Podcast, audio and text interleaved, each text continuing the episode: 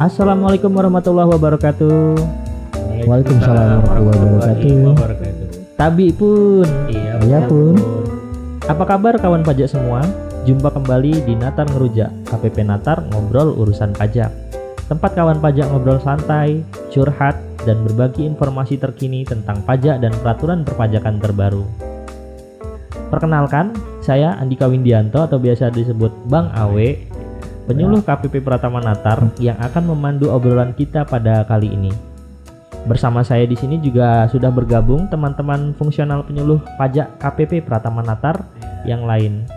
Eh, apa kabar, Mbak Dimi? Hmm, baik, alhamdulillah. Mawe. Kurang semangat Mbak Dimi ya. Sakitnya minggu kemarin. Iya. Minggu ini sudah nggak sakit. Sedih lagi ya mungkin ya. Oke. Bang Kinceng apa kabar? Alhamdulillah sehat. Oh, sehat sekali ya Bang Kinceng ini semangat Super terus emang. semangat. Pak Mu apa kabar Pak Mu? Alhamdulillah Bang Owi masih diberi kesehatan oleh Allah Subhanahu wa taala. Alhamdulillah. Alhamdulillah. Nah, tema kita kali ini tentang faktur pajak. Mungkin ada kawan pajak yang masih bingung apa sih faktur pajak itu gitu. Yuk kita coba ulas lebih dalam tentang faktur pajak. Kita tanyakan saja langsung ke narasumbernya. Mbak Dimi, apa sih faktur pajak itu? Nah, teman-teman, faktur pajak itu adalah bukti pungutan pajak yang dibuat oleh pengusaha kena pajak yang melakukan penyerahan barang kena pajak atau penyerahan jasa kena pajak. Hmm, Sedangkan pengusaha kena pajak itu adalah pengusaha yang melakukan penyerahan barang kena pajak dan atau penyerahan jasa kena pajak yang dikenai pajak berdasarkan Undang-Undang Pajak Pertambahan Nilai. Oh gitu Mbak Dimi.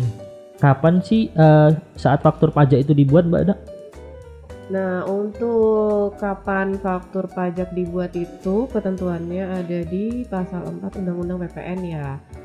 Faktur pajak harus dibuat pada saat penyerahan barang kena pajak, pada saat penyerahan jasa kena pajak, pada saat ekspor barang kena pajak berwujud, kemudian pada saat ekspor barang kena pajak tidak berwujud, dan pada saat ekspor jasa kena pajak sebagaimana yang dimaksud dalam pasal 4 ayat 1 Undang-Undang PPN. Kemudian eh, faktur pajak juga harus dibuat pada saat penerimaan pembayaran dalam hal penerimaan pembayaran terjadi sebelum penyerahan barang kena pajak dan atau sebelum penyerahan jasa kena pajak. Kemudian saat penerimaan pembayaran termin dalam hal penyerahan sebagian tahap pekerjaan atau saat lain yang diatur dengan atau berdasarkan peraturan Menteri Keuangan. Oh gitu ya Mbak. Nah kalau bentuknya faktur pajak sendiri itu gimana sih Mbak? Nah, pada awalnya faktur pajak itu ada dua bentuk yaitu faktur pajak elektronik dan faktur pajak eh, cetakan kertas. Eh, faktur pajak sekarang semuanya sudah menggunakan aplikasi eh, e-faktur ya. Jadi semuanya sekarang faktur pajaknya sudah berbentuk elektronik. Nah, faktur pajak berbentuk elektronik itu adalah faktur pajak yang dibuat secara elektronik sesuai peraturan Direktur Jenderal Pajak mengenai tata cara pembuatan faktur pajak yang berbentuk elektronik untuk setiap penyerahan barang kena pajak atau penyerahan jasa kena pajak. Gitu. Jadi kalau sekarang udah elektronik semua sih Bang Awe. Oh jadi udah modern lah ya Mbak Dimi ya. Hmm, Karena semua pengusaha kena pajak sekarang sudah harus pakai aplikasi e-faktur. Oh gitu. Nah untuk Pak Muh, kalau misalnya faktur pajak itu eh, data atau keterangan apa aja sih yang tercantum di faktur pajak itu? Iya, terima kasih Bang Owi. Jadi kawan pajak semua yang menerima faktur pajak dari PKP ataupun menjadi PKP wajib minimal mengetahui data apa saja yang tercantum dalam faktur pajak. Nah, Bagi Anda yang membuat faktur pajak, pertama harus mencantumkan identitas penjual ya, nama, alamat dan NPWP penjual atau pihak yang menyerahkan BKP maupun JKP. Yang kedua, eh, nama dan identitas dari pembeli, nama, alamat, dan nomor pokok wajib pajak NPWP pembeli, pembeli BKP dan JKP. Yang ketiga, jenis barang atau jasa, jumlahnya, harga jualnya atau penggantian dan potongan harga atau diskon. Yang keempat, jumlah pajak pertama nilai yang dipungut. Kemudian apabila ada PPNBM-nya, mencantumkan jumlah PPNBM yang dipungut. Kemudian wajib mempunyai nomor kode, nomor seri, dan tanggal pembuatan faktur pajak. Kemudian ketujuh, nama dan tanda tangan yang berhak menandatangani faktur pajak. Eh, dari Mbak Dimi tadi bahwa faktur pajak sekarang berbentuk elektronik tentu saja tanda tangannya berupa tanda tangan elektronik.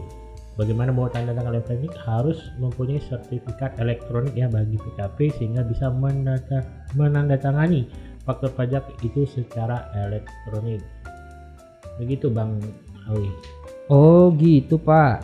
Nah kalau misal nih uh, ada keterangan atau data yang tercantum dalam faktur pajak itu nggak sesuai atau salah itu gimana kak Irfan? Iya, untuk faktur pajak yang tidak sesuai atau kesalahan ya, ini ada dua ya. Apabila kesalahan data atau keterangannya berupa nama, alamat, NPWP yang menyerahkan BKP atau JKP dan nama, alamat dan nomor eh, apa NPWP pembeli barang kena pajak atau penerima jasa kena pajak, maka PKP dapat membatalkan faktur pajak tersebut dan menerbitkan faktur pajak yang baru. Tapi kalau kesalahan data atau keterangannya berupa jenis barang atau jasa, harga jual atau penggantian dan potongan harga, kemudian PPN yang dipungut dan PPN BM yang dipungut dan kesalahan kode, nomor seri dan tanggal pembuatan faktur pajak, maka PKP harus menerbitkan faktur pajak pengganti. Seperti itu, Bang Awe. Oh jadi bisa nerbitin faktur pajak pengganti ya kak Ya, ya? bisa menerbitkan faktur pajak pengganti dan bisa membatalkan faktur pajaknya. Nah gimana sih kak cara membatalin faktur pajak ini? Nah, faktur pajak yang dibatalkan tuh harus memenuhi berbagai ketentuan ya, Bang Awe ya ini dan ini agak panjang ya. Jika ter- pertama, jika terjadi pembatalan transaksi penyerahan BKP atau JKP dan faktur pajak terlanjur diterbitkan, maka harus dilakukan pembatalan faktur pajak keluarannya. Kemudian kalau misalnya pembatalan faktur pajak keluaran itu harus dilengkapi dengan bukti berupa dokumen yang membuktikan adanya pembatalan transaksi. Bukti yang dimaksud bisa pembatalan kontrak ya atau dokumen lain ya yang yang menunjukkan adanya pembatalan transaksi. Nah, kemudian ketentuan selanjutnya yaitu faktur pajak yang dibatalkan harus tetap disimpan sebagai arsip oleh PKP penjual. Ini untuk kebutuhan administrasi penjualnya ya. Kemudian PKP penjual yang membatalkan faktur pajak keluaran harus mengirim surat pemberitahuan dan salinan faktur pajak yang dibatalkan ke KPP tempat PKP tersebut dikukuhkan dan ke KPP tempat PKP pembeli dikukuhkan. Nah, jika PKP penjual belum melaporkan faktur pajak yang dibatalkan di dalam SPT masa PPN, maka PKP penjual itu tadi harus tetap melaporkan faktur pajak yang dibatalkan dalam SPT masa PPN dengan mencantumkan nilai 0 pada kolom dasar pada kolom DPP, PPN dan atau PPN dan pajak penjualan atas PPNBM ya itu di aplikasi e-fakturnya ya. Jika PKP penjualan telah melaporkan faktur pajak dalam SPT masa PPN sebagai faktur pajak keluaran, maka PKP penjual tadi harus melakukan pembetulan SPT masa PPN masa pajak yang bersangkutan dengan cara melaporkan faktur pajak yang dibatalkan dengan mencantumkan nilai 0 pada kolom DPP, PPN atau PPN dan PPNBM di aplikasi faktur. Nah, yang terakhir, jika faktur pajak keluaran telah dilaporkan oleh PKP pembeli sebagai faktur pajak masukan, maka PKP pembeli harus melakukan pembetulan SPT masa PPN eh, SPT masa PPN masa pajak yang bersangkutan dengan cara melaporkan faktur pajak yang dibatalkan dengan mencantumkan nilai 0 pada kolom DPP, PPN atau PPNBM. Nah, jadi pembatalan ini harus memperhatikan apakah faktur pajakannya faktur pajak itu telah dilaporkan uh, oleh apa lawan transaksi atau belum. Nah, itu pokok pokok pokok-pokoknya Bang Awe.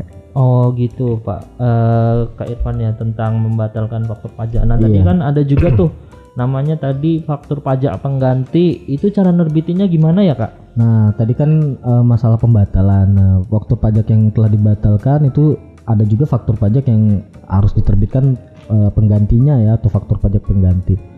Faktur pajak pengganti itu dibuat untuk merevisi faktur yang telah dibuat sebelumnya dalam transaksi yang sama. Nah, ini kata kuncinya transaksinya harus sama ya. Faktur pajak pengganti dibuat oleh PKP yang mengalami kesalahan penginputan pada faktur sebelumnya. Nah, misalnya eh, kode atau input harga barang ya. Faktur pajak pengganti yang dibuat PKP tidak menggunakan nomor seri faktur yang berbeda. Pembedanya cuma kode status faktur pajaknya aja. Jika kalau yang normal itu 010, maka ketika diganti kodenya jadi 011 tapi nomornya masih sama gitu nah karena diganti ada konsekuensinya ini penggantian faktur pajak uh, dalam hal pelaporan SPT masa PPN hal ini berlaku bagi PKP yang menjual barang kena pajak atau jasa kena pajak atau PKP yang membeli PKP atau JKP bagi pihak yang menjual BKP atau JKP tadi maka harus melakukan pembetulan SPT masa PPN pada saat terjadinya kesalahan pembuatan faktur Nah, pembetulan dilakukan dengan memberikan keterangan yang sebenar dan sesuai uh, keadaan sebenarnya. Sementara bagi yang membeli BKP atau JKP yang sudah mengkreditkan, juga wajib membetulkan SPT masa PPN-nya pada masa pajak saat pajak yang diganti dilaporkan. Namun syaratnya SPT masa PPN faktur pajak yang diganti belum diperiksa dan yang bersangkutan belum menerima surat pemberitahuan hasil pemeriksaan ya, pemeriksaan. Nah, jadi uh, ketika faktur pajak pengganti itu diterbitkan itu untuk penjual dan pembelinya harus membetulkan kembali nih SPT masanya. Pada pokoknya itu sih yang jadi konsekuensinya. Begitu. Kemudian untuk penerbitannya sendiri untuk faktur pajak pengganti ya ini kan faktur pajak ini tetap ya dibuat di aplikasi faktur ya. hmm Cara menerbitkannya ketika udah masuk di aplikasi faktur nanti pindah ke menu pilih menu faktur pajak keluaran dan masuk ke administrasi faktur.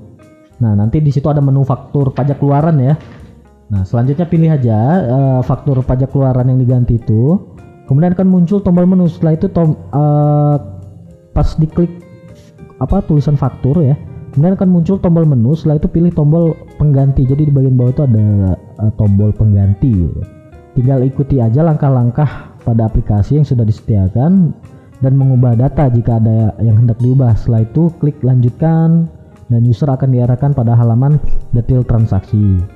Pada detail transaksi user dapat mengubah data-data faktur dengan menggunakan pilihan ubah transaksi. Jadi rubahlah apa yang harus dirubah gitu pak Kemudian terakhir setelah mengubah data-data tadi, kemudian tinggal klik simpan aja ya dan user akan diarahkan kembali ke halaman detail transaksi dan tinggal klik simpan kembali gitu. Setelah langkah-langkah itu dilakukan, ya faktur pajak pengganti pada aplikasi faktur yang berhasil dibuat. Selanjutnya user atau PKP tinggal mengunduh faktur pengganti ke server Direktorat Jenderal Pajak. Ini kalau dulu masih uh, apa?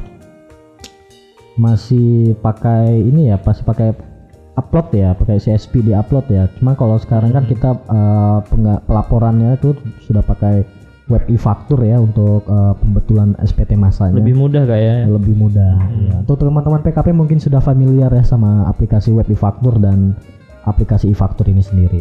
Nah, kira-kira gitu Bang Awe. Iya terima kasih Kak Irfan. Nah untuk Pak Mu mau nanya nih Pak. Kan kalau nomor seri faktur pajak tuh kalau nggak salah kayak ada kode-kodenya gitu kan Hmm, nah sebenarnya maknanya tuh apa sih Pak kode-kode itu? Ya benar Bang Awi. Uh, bagi kawan pajak yang berkaitan dengan faktor pajak ya, seperti PKP atau pembeli yang uh, membeli barang dari PKP, ada baiknya mengetahui kode-kode atau nomor seri faktur pajak ya. Kode, seri dan faktur pajak itu bersifat unik artinya menunjukkan kode faktur pajak itu menunjukkan transaksi kode transaksi faktur pajak kalau kode 01 ya kode ini digunakan untuk penyerahan BKP atau JKP kepada bukan pemungut PPN ya kepada swasta dan lainnya. Kemudian 02, 02 ini kode ini digunakan untuk penyerahan BKP atau JKP kepada pemungut PPN bendahara pemerintah ya sebagai bendahara pemerintah. Seperti itu. Kemudian 03 itu adalah kode faktur pajak yang digunakan untuk penyerahan BKP atau JKP kepada pungut PPN non bendaharawan pemerintah selain bendahara pemerintah. Ya seperti perusahaan minyak dan kontraktor migas ya atau BUMN dan BUMD yang ditunjuk. Kemudian 04 untuk digunakan untuk penyerahan BKP atau JKP yang menggunakan DTP nilai lain ya seperti jasa titipan kilat seperti itu. Kode 05 ini sekarang tidak digunakan. 06 itu digunakan untuk penyerahan lain yang PP-nya dipungut oleh PKP penjual yang yang melakukan penyerahan BKP atau JKP atau dan penyerahan kepada orang pribadi pemegang paspor luar negeri atau turis asing. Jadi ada apa namanya? Ada fasilitas pengembalian Refund PPN, Pak ya. ya, eh, apa refund VAT ya Mm-mm. di bandara kepada turis asing yang ada di Indonesia ya, mereka mendapatkan pengembalian atas PPN-nya karena kita anggap ekspor itu sama dengan ekspor kan dibeli orang asing dan barang barangnya dinikmati atau dibawa ke negaranya seperti itu jadi mereka mendapat pengembalian tapi ini hanya bisa diterbitkan oleh PKP yang eh, telah terdaftar untuk bisa mendaftar me- apa menerbitkan faktur pajak khusus dan kode 060 karena mendapat fasilitas nanti pembelinya bisa mendapat eh, VAT refund ya. PPN yang dikembalikan. Kemudian 07 ini adalah penyerahan BKP atau JKP atas eh, penyerahan BKP yang mendapat fasilitas PPN DTP tidak dipungut pemerintah ya ada beberapa barang kena pajak atau jasa kena pajak yang berdasarkan peraturan pemerintah atau peraturan Menteri Keuangan itu mendapatkan fasilitas PPN DTP, PPN yang ditanggung pemerintah. Kemudian kode 08 digunakan untuk penyerahan BKP dan atau JKP yang mendapatkan fasilitas PPN yang dibebaskan ya. Yang dibebaskan menggunakan kode 08.